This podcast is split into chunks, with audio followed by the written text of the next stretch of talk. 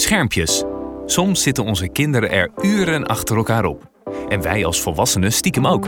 Voor werk, spelletjes, films, games, appen, eindeloos door social media scrollen. Ja, voor wat eigenlijk niet? We genieten van alle gemakken. Maar er zijn ook nadelen. Zeker voor kinderen in de groei kan dit gedrag negatieve gevolgen hebben. We zien bijvoorbeeld dat kinderen door hun schermgebruik steeds minder vaak naar buiten gaan. Dat is niet goed voor de ontwikkeling van hun motoriek, weerstand en sociale omgang met anderen. Maar wist je dat het ook nadelige gevolgen heeft voor de ogen? Het kan namelijk bijziendheid veroorzaken, een oogaandoening met mogelijk vervelende gevolgen. Overzie jij het schermgebruik van je kind en niet te vergeten dat van jezelf? Weet je hoe je het kijken naar schermpjes kunt terugdringen? En wat is nu eigenlijk gezond schermgedrag? Als ik op mijn iPad kijk, dan na een half uurtje heb ik hoofdpijn. En als ik op de tv kijk, een half uur heb ik geen hoofdpijn. Dat is denk ik niet goed voor je. Ja, ik denk, dat heeft te maken dat je gewoon verslaafd bent, denk ik. Welkom, je luistert naar Overzien, een podcast van het Oogfonds. Deze eerste aflevering gaat over bijziendheid. Wat is het? Hoe ontstaat het? En wat heeft schermgebruik ermee te maken? We praten over dit onderwerp met verschillende ervaringsdeskundigen en specialisten. Eerst het woord aan oogarts Dr. Caroline Klaver. Ik ben oogarts, maar ook uh, wetenschapper. Ik werk uh, deels in het Erasmus MC en deels in het Radboud UMC, waar ik vooral uh, mijn klinische taken doe. En ik werk ook nog een klein beetje in Basel als hoogleraar. Bijziendheid, verziendheid, minglazen, plusglazen. Oogaandoeningen zijn er in vele vormen en maten. Tijd om alles even op een rijtje te zetten. Wat is bijziendheid ook alweer precies? Ja, bijziendheid is um, een brilsterkte, een minbrilsterkte. Je zet een minbrilletje op en eigenlijk zie je dan wel weer goed in de verte. Maar wat er in het oog aan de hand is, is dat het oog langer wordt.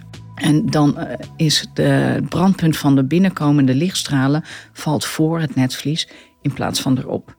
En met dat minbrilletje zorg je dat het brandpunt dan weer netjes op het netvlies komt. Maar we zien dat en als het oog maar lang genoeg wordt, of heel lang wordt, en de brilsterkte dus omhoog gaat, dan zien we dat er wel afwijkingen ook aan het oog zelf kunnen optreden. Een ander woord voor bijziendheid is myopie. Myopie komt uit het Grieks, betekent knijpen. En, uh, want uh, als je knijpt en je hebt een min sterkte, zie je iets beter in de verte. Maar het is precies hetzelfde als bijziendheid. Jan Roelof Polling is orthoptist en ziet in zijn behandelkamer veel mensen met bijziendheid. Waaronder veel jonge kinderen die bijvoorbeeld moeite hebben met het lezen van het schoolbord of bij een consultatiebureau niet goed door de oogtest komen. Het is van groot belang dat bij deze kinderen eventuele bijziendheid op tijd wordt geconstateerd. Als bijziendheid op, op hele jonge leeftijd ontstaat, dus voor het uh, tiende jaar, uh, dan is de kans dat je hoog bijziend wordt, is vrij groot. Um, een op de vijf kinderen die voor hun um, uh, tiende jaar uh, bijziend uh, wordt, die wordt hoogbijziend. Dus dat is, dat is best een groot aantal. En daarom is het belangrijk om deze groep goed te monitoren in het begin. Om goed te kijken hoe hard gaat het oog naar achteruit. En ontstaat hier een hoge bijziendheid. Hoe bijziendheid precies ontstaat is nog altijd niet helemaal duidelijk. We weten dat erfelijkheid een rol speelt. Maar de belangrijkste factor is in de meeste gevallen de leefstijl. Want kinderen kijken veel te dichtbij. Als het oog prikkels krijgt om vooral dichtbij te kijken, dan is het handiger voor het oog om langer te worden, want dan moet je minder moeite doen om het scherp te zien. Terwijl als het oog juist prikkels krijgt om in de verte te kijken, dan is het niet zo handig om een lang oog te hebben, want dan zie je onscherp in de verte. Dus het oog op de kinderleeftijd um, reageert op de prikkels die hij het meeste aangeboden krijgt. En inderdaad, als dat op de kinderleeftijd veel dichtbij werken is, dat kan lezen zijn, dat kan smartphone zijn, kan ook iets anders zijn. Uh, en heel weinig buiten is, weinig licht krijgt en weinig geprikkeld wordt om in de verte te kijken, ja, dan denkt dat oog op de kinderleeftijd van, nou, is het toch wel makkelijker om langer te worden en daarmee dus bijzien te worden.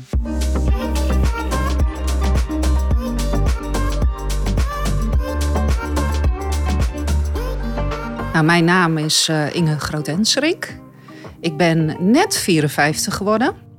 En ik woon in Geertruidenberg. Ik werk in het MBO.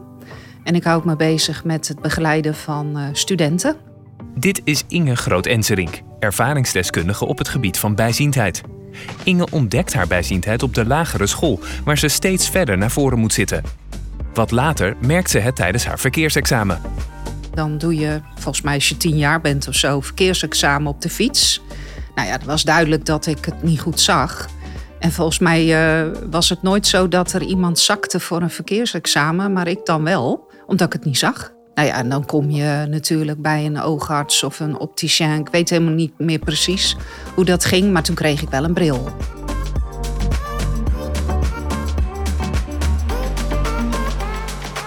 Ik heb toch wel echt behoorlijk uh, slechte ogen, denk ik. Volgens mij heb ik zo'n beetje aan beide ogen min 7. En ik noem mezelf altijd wel echt kippig. En als je ergens thuis op bekende plekken rondloopt zonder bril, nou ja, vooruit. Dat gaat dan nog wel, omdat je natuurlijk de weg kent. En dan gebeurt er niet zo gek uh, veel onderweg. Maar ik kan echt niet zonder uh, bril dan wel lenzen. Die heb je gewoon echt nodig om te kunnen functioneren. Ook spreken we met Petra de Wal en haar dochter Marit. Beide ervaringsdeskundigen op het gebied van myopie. Hoe werd hun bijziendheid geconstateerd? Nou, ik kreeg mijn eerste bril toen ik acht was. En toen zat ik gelijk op min 1 en min anderhalf. Dus dat zal al wel eerder begonnen zijn. Maar ja, dat weten we niet. Dus sinds die tijd heb ik een bril. En in het begin ging het heel hard achteruit. Met hele minnen per jaar, zeg maar. En het is pas gestabiliseerd toen ik een jaar na tegen de 30 was. En op mijn uh, hoogtepunt, zal ik maar zeggen, zat ik op de min 11. Uh, nu loopt dat wat terug. Maar ja, dat is meestal. Ik ga richting een leesbril. Maar ja, dat zal niet echt nodig zijn. Dus eigenlijk al zolang ik me kan herinneren, zo'n beetje.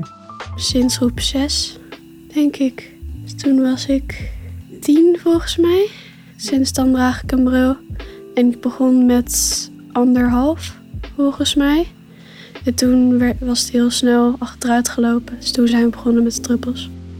Bijziendheid is geen modern verschijnsel. Het is van alle tijden. Zolang er dichtbijwerk wordt gedaan, is er ook bijziendheid. Zo vertelt dokter Caroline Klaver. We hebben een heel langlopend bevolkingsonderzoek. Waarbij uh, de oudste generatie uit uh, eh, 1918 was. En toen was een kwart van die generatie bijziend. We hebben die, dat bevolkingsonderzoek van allerlei uh, geboortejaren gedaan. En we zien dat die bijziendheid langzamerhand toegenomen is. En toevallig heb ik net vorige week data gekregen van moeders die 25 zijn. En daar is nu 57% bijziend. Ik schrok er nog zelf van. Maar is bijziend zijn ook altijd een probleem? Waardes van min 1, dat is allemaal niet zo problematisch. Maar vooral, we zien dat de hele brilsterkte opgeschoven is naar de minsterkte. Betekent ook dat we meer hoogbijzienden hebben. En dat is wel een groep die heel serieus kans loopt om later in het leven slechtziend te worden. Het zit in de familie. Tja, een bekende uitspraak die ook voor bijziendheid opgaat. Ja, dat klopt uh, dat dat uh, zo kan.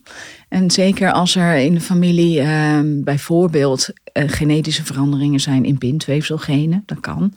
En die hebben wat meer neiging om een langere ogen te ontwikkelen. En daar zijn over het algemeen de, de ouders wel heel erg van bewust. Maar heel veel van die genen, die hebben we allemaal bij ons. En dat weten we natuurlijk niet. En die, die proportie van hoeveel van die genen je hebt, dat, dat weet je niet. We zien ook dat als je een hele grotere portie van die genen hebt gekregen, dan heeft omgeving en leefstijl heeft veel meer invloed. Dus dan ben je ook veel gevoeliger voor dat gedrag. Dus die dingen werken eigenlijk samen, terwijl van die genetische kant je waarschijnlijk weinig weet. Nou zien we ook wel dat in de families waarbij het vaker voorkomt, zien we dat ook die ouders vaker een omgeving creëren die die kinderen ehm, bijziend maakt. Dus een deel van het voorkomen in families is ook gedrag. Dat gedrag uitzicht dan ook vaak in frequenter en langduriger schermgebruik. Van oudsher waren het de ouders die een hoge eh, opleiding hadden genoten, die natuurlijk hun kinderen daar veel meer voor stimuleerden. Kinderen ook al misschien al eerder gingen lezen dan andere kinderen. De genetica van de oudere families was veel meer gericht op opleiding. En we zien dat daar wel een omslag is. Nu uh, kan iedereen bijziend worden, juist door schermgebruik. En zit daar weer een andere soort familiedynamiek in.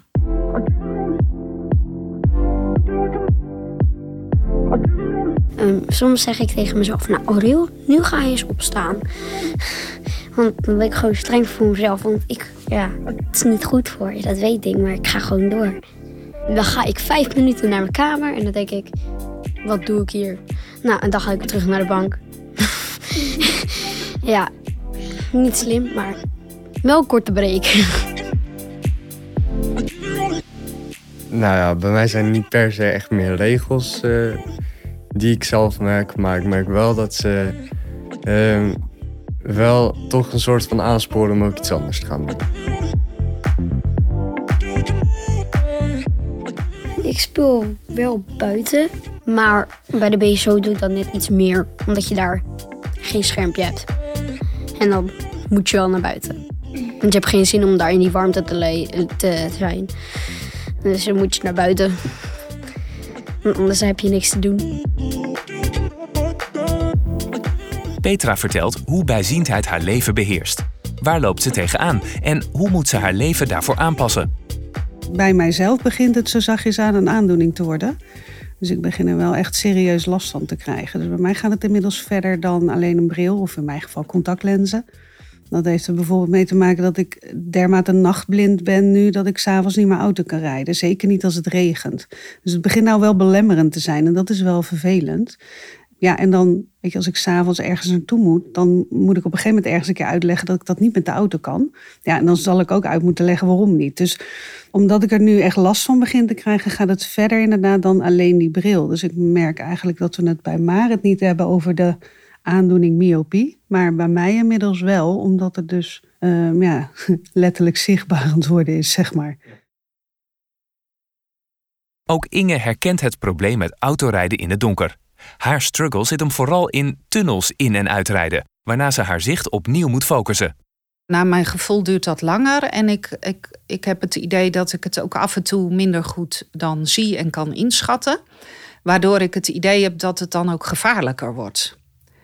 Uh, dat ik dus niet goed, uh, dat ik te laat misschien zie dat ik zeg maar te dicht op mijn voorganger zit of zo.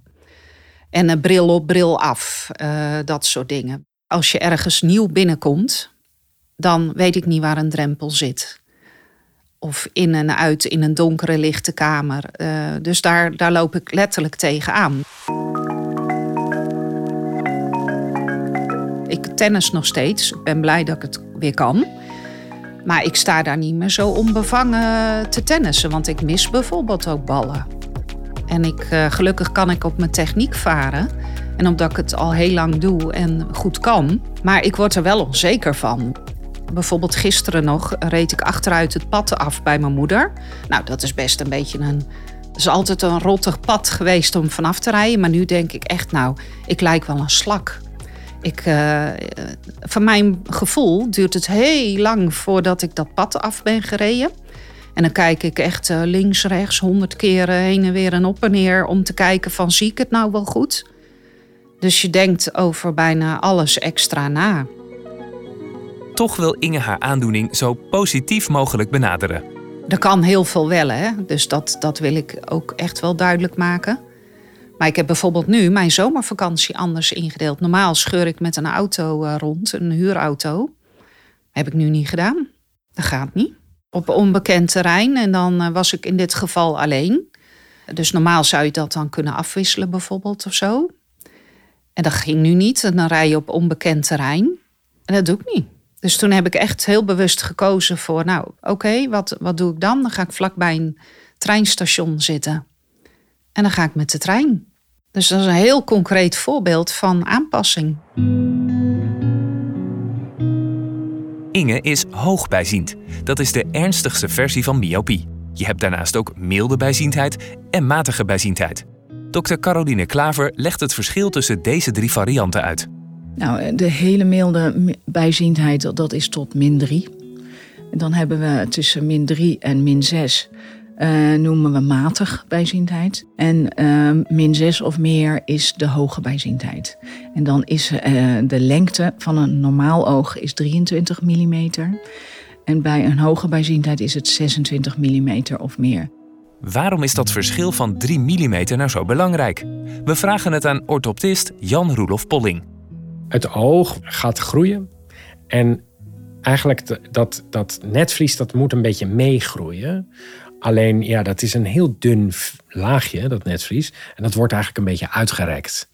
En als kind gaat dat nog wel, dat kan het wel hebben. Maar op een gegeven moment, dat is veel dunner dan als je oog natuurlijk kleiner is. En dat dunne netvlies, ja, dat houdt het wel even vol. Maar ja, na je vijftigste, zestigste, dan wordt het wat lastig. En dan beginnen er gaten in te vallen. En dan, dan is het minder bestand tegen het ouder worden. En dan gaat de kwaliteit gewoon achteruit en dan ga je minder zien. En ja, je merkt dat gewoon doordat het zicht achteruit gaat. En dan gebeurt er niks desastreus. En de oogarts kijkt dan in je ogen en die zegt... ja, er is een netvliesslijtage. Uh, macula-degeneratie noemen we dat. Um, en daar is niks aan te doen. Op dit moment zijn er geen behandelingen voor. Als het kind ouder wordt, dus als volwassene ouder wordt, dan hoe langer het oog, hoe sneller je daar echt, echt grote problemen van kan krijgen. En wij hebben uitgerekend dat 1 op de 3 hoogbijzienden wordt later in zijn leven slechtziend. En dat betekent niet meer dan 30% zicht hebben. En je hebt eigenlijk 30% nodig om goed te kunnen lezen. Dus daar heb je echt heel veel last van. Maar er zijn nog meer heftige gevolgen, waaronder vervelende aandoeningen. De gevolgen zien we ook eigenlijk al, vooral ook in die matige vorm. Die hebben meer kans op netvlieslosslatingen. En we zien ook uh, in Nederland dat de netvliestoename van de laatste zeven jaar 40% toegenomen is. Netvlies kunnen we goed opereren. Uh, maar ja, als je daar te laat bij bent, dan kan uh, ook het centrum van het netvlies niet meer goed komen en ernstige slechtziendheid geven. Een andere aandoening die echt heel vervelend is, is glaucoom. En bij glaucoom gaan de zenuwvezels die naar de oogzenuw gaan verloren. En die mensen merken juist dat het blikveld veel nauwer wordt en kunnen een soort kokerzien krijgen. Uh, ook een aandoening waar we maar weinig grip op hebben. Uh, wat we ook nog zien is dat er een toename is van staar. En van alle problemen is dat eigenlijk het minste probleem. Want ook hoogbijziende en matig bijziende kunnen we goed opereren met een staaroperatie. Dit zijn gevolgen waar ook Inge op dagelijkse basis mee te maken heeft. Nou, er is bij mij natuurlijk nu intussen meer aan de hand dan uh, alleen maar bijziendheid. Dus ik heb nu sinds uh, ruim een half jaar ook netvliesproblemen aan beide ogen. Dus uh, nu, nu moet ik nog meer nadenken over um, wat neem ik mee. Dus aan reserveonderdelen. En dat varieert van reservebrillen tot uh, oogdruppels. Want ik ben ja, gewoon serieus gehandicapt als, als ik gewoon niet goed kan zien. Hoe merkt Inge dat er meer aan de hand was dan alleen bijziendheid? Ik keek in het felle licht. Ik stond de parkeermeter te vullen. En, en ik zag allemaal gekkigheid in mijn ogen. Hele dikke slierten. Nou, met name die dikke slierten. En ja, het, het bewoog heen en weer. Ik bleef het zien. En, en ik had wel meteen direct door van... hé, hey, dit klopt niet. Inge neemt meteen contact op met haar optometrist. Die vertrouwt het niet en raadt haar aan naar de huisarts te gaan. Na wat testjes besluit de huisarts haar naar de oogarts te sturen. Die deed wat testjes en die hoorde mij over... ik zie kobaltblauw in mijn ogen. En die dacht, nou, dit klopt niet hoor. Dus die ging ter plekke nog bellen met het ziekenhuis. En toen zat ik s'avonds uh, nog op de, op de oogpolie. En toen hebben ze het in eerste instantie geprobeerd te verhelpen met uh, een laserbehandeling. En dat leek in eerste instantie uh, te werken. Dus dan zit er een scheurtje in je netvlies. Maar dat, nee, dat resulteerde uiteindelijk in, in loslating. En toen kwam ik in het oogziekenhuis terecht in Rotterdam. In het oogziekenhuis wordt Inges netvlies weer op zijn plek gelegd. Er zat een bloeding in mijn oog. Glasvochtbloeding heet dat dan. En dat hebben ze eruit gehaald. Hoe eerder we de ernstige gevolgen van bijziendheid helder op een rijtje hebben, hoe beter we oplossingen kunnen vinden en jonge kinderen vroegtijdig kunnen beschermen. Ook al is bijziendheid van alle tijden, het is de laatste jaren wel een steeds groter probleem geworden. Caroline spreekt zelfs van een epidemie. Ja, dat is ook echt zo. En uh, ja, zo probeer ik het ook uh, aan andere mensen uit te leggen. Want epidemieën, daar zijn we tegenwoordig bang van. Maar het, het, is een epidemie die niet meer weggaat. Dus het wordt ook wel een beetje het nieuwe normaal. Wat je wel ziet, die jongere generatie, die heeft natuurlijk nog niet de gevolgen daarvan allemaal. Dus het duurt gewoon echt een tijd voordat we wakker genoeg worden om te denken van, oh ja, hier moeten we echt iets aan gaan doen. En dat probeer ik eigenlijk met deze campagnes uh, duidelijk te maken van probeer dat gedrag nou eerder te veranderen, zodat we nooit in die gevarenzone of op een dusdanige manier in de gevarenzone komen. Ook orthoptist Jan Roelof deelt deze mening. Nou, de toekomst van bijziendheid op korte termijn is niet goed. Ik uh, denk dat, het, uh, dat we er nog niet van af zijn. En de golf die we nu gaan krijgen uh, aan bijziende en hoogbijziende gaat een groot probleem opleveren voor, ehm, voor als die mensen ouder worden. We hebben het nu voornamelijk over jonge kinderen. Welke leeftijd is het meest gevoelig voor de ontwikkeling van myopie? En wanneer nemen de risico's af? We zien dat die groeisnelheid de eerste jaren het hardst is. Uh, en zeker uh, nog tot een jaar of tien echt behoorlijk uh, snel gaat, die groeisnelheid. Tussen 10 en 15 voor een gemiddeld oog wordt dat al een stuk minder. En een oog wat niet bijziend wordt, stopt eigenlijk met groeien na de leeftijd van 15. De bijziende ogen die blijven een lange en een snelle groeisnelheid houden. En die kan wel doorgaan tot een jaar 25. Dus de kinderen met lange ogen groeien niet alleen sneller in de tijd dat iedereen zijn oog nog snel groeit, maar die gaan gewoon langer door. En dat is ook de reden waarom ze dan veel hoger uitkomen als volwassenen. Het is soms best lastig om bijziendheid bij je kind te ontdekken. Als je een beetje met je ogen knijpt, is een sterkte van min 1 nog redelijk natuurlijk te corrigeren. Maar het vroeg ontdekken van juist zo'n afwijking, hoe klein ook, is cruciaal voor de toekomst van het kind, zegt ook Jan Roelof. Nou, de gevolgen is dat ze minder zien. Dus ze krijgen bijvoorbeeld veel minder mee op, uh, op het bord. Um, uh, en ze kunnen het gewoon niet lezen. Dus kinderen gaan dan over het algemeen een beetje invullen wat ze denken dat er moet komen te staan. En, en dan ontstaan er allerlei fouten. En kinderen kunnen daar ook een nou leerachterstand, wil ik, wil ik niet uh, helemaal zeggen. Maar ja, ze, ze krijgen dan natuurlijk niet alles mee. en omdat ze denken dat het normaal is, wordt het heel vaak later opgemerkt. En we weten ook dat als kinderen, ja, hoe, hoe jonger ze zijn en min 1 zijn, ja, die passen zich zo snel aan.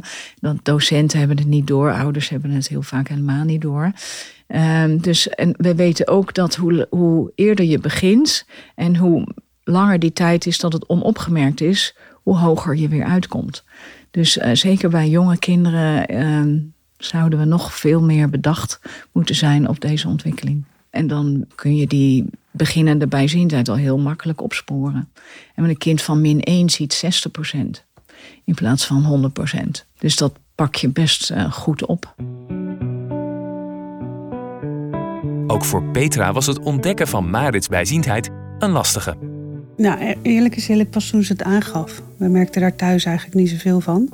Dus op het moment dat ze zelf aangaf, joh, ik kan het bord niet meer lezen, toen uh, ja, gingen de rollen, zeg maar. Maar thuis merkte ik er eigenlijk niet zoveel van. Nee. Nee, niet dat ik weet eigenlijk. Ik had eigenlijk alleen op school last van. Een oog krimpt niet. Dus de lengte van je oog op je 25ste is de lengte waarmee je het de rest van je leven moet doen. Daarom kan je maar beter zo vroeg mogelijk beginnen met de bewustwording. Een handige handleiding daarbij is de 20-20-2-regel. Voorkomen is hier absoluut veel en veel beter dan, uh, dan genezen. Dus vandaar deze campagnes. De 20-20-2-regel hebben we in het leven geroepen. En die 20-20-2 staat ervoor dat je na 20 minuten dichtbij werkt. Of dat nou een boek is, een smartphone of wat anders. Uh, stop dan na 20 minuten even met die activiteit. Ga in ieder geval in de verte kijken. En kijk tenminste 20 seconden in de verte. En het belangrijkste nieuws is nog: op de kinderleeftijd gaat twee uur per dag of meer naar buiten. Nou, dat is een belangrijke campagne Eh, regel die we proberen aan alle jeugd eh, onder de aandacht te brengen. Als er eenmaal bijziendheid is, is het belangrijk dat mensen weten dat ze risico lopen op complicaties. En dat ze dus als er iets is aan de hand is, dat ze snel naar een oogarts gaan. Om gevolgen in de toekomst tegen te gaan, moet je nu actie ondernemen. Maar dan moet je wel op tijd weten wat die gevolgen dan zijn. Ja, dat is precies wat er, eh, wat er aan de hand is. Dus het gedrag van nu geeft pas over 30, 40 jaar eh, echt de medische problemen. En ja, god, daar staan kinderen natuurlijk niet bij stil. Maar helaas staan ouders daar ook heel vaak niet bij stil. Staan scholen daar niet bij stil. En eigenlijk de hele maatschappij niet. Samen met het Oogfonds pleit Caroline voor de leefregel 2022. Daarmee hoopt ze dat er over vijf jaar al verandering te zien is.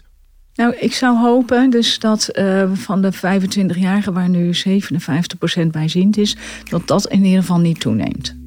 Dat zou ik uh, erg hopen. Wat we nu hebben, de helft van de jongvolwassenen die bijziend is, dat vind ik wel een beetje de mars. Dit was de eerste aflevering van Overzien, een podcast van het Oogfonds over de oorzaken en gevolgen van bijziendheid, geproduceerd door Potworks.